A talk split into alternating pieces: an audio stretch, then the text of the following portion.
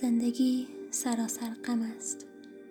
ما برای تجربه خوشی ها سگدو میزنیم. هر بازی قواعدی دارد.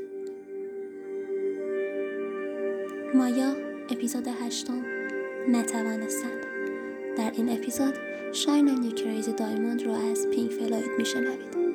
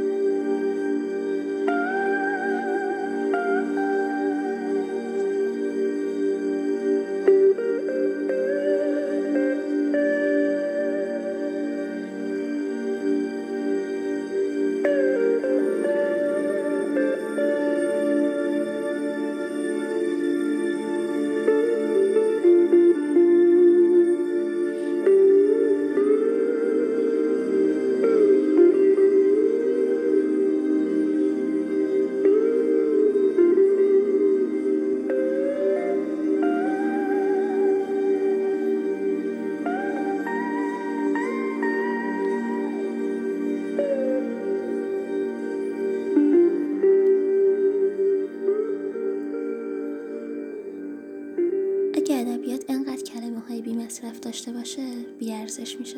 من ادبیات رو بیارزش کردم. اهمیتی نمیدم.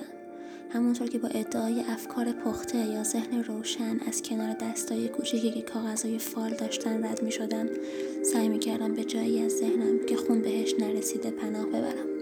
وضع بدی بود. مثل فرار کردن از یک کوسه زیر آب درست وقتی داری غرق میشی.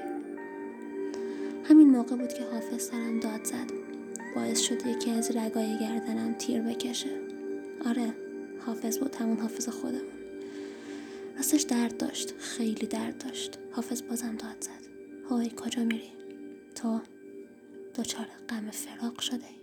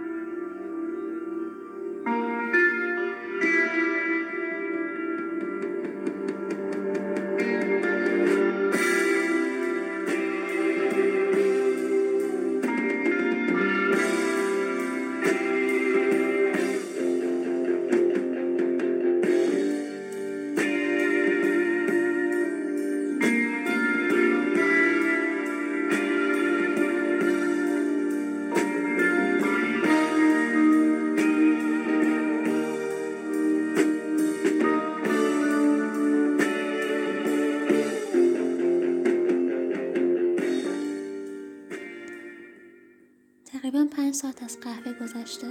انقدر خوابم میاد که حوصله فکر کردن به چیزی رو نداشته باشم. ولی عادت ندارم به بدون فکر کردن خوابیدن. میگم شاید نمیتونیم خودمون رو برای کسی شرح بدیم. نه که گفتنش سخت باشه ما فقط ثابت نیستیم. هر لحظه از ما عملا داره به فنا میره و ما هر بار فقط سعی میکنیم حیات رو پس بگیریم. درست همون لحظه ای که نیست بودن ما هست شد باختیم.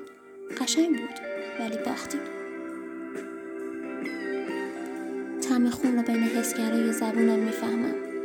هر بار که سعی میکنم بهت فکر نکنم درست همون موقع بد جوری دارم بهت فکر میکنم.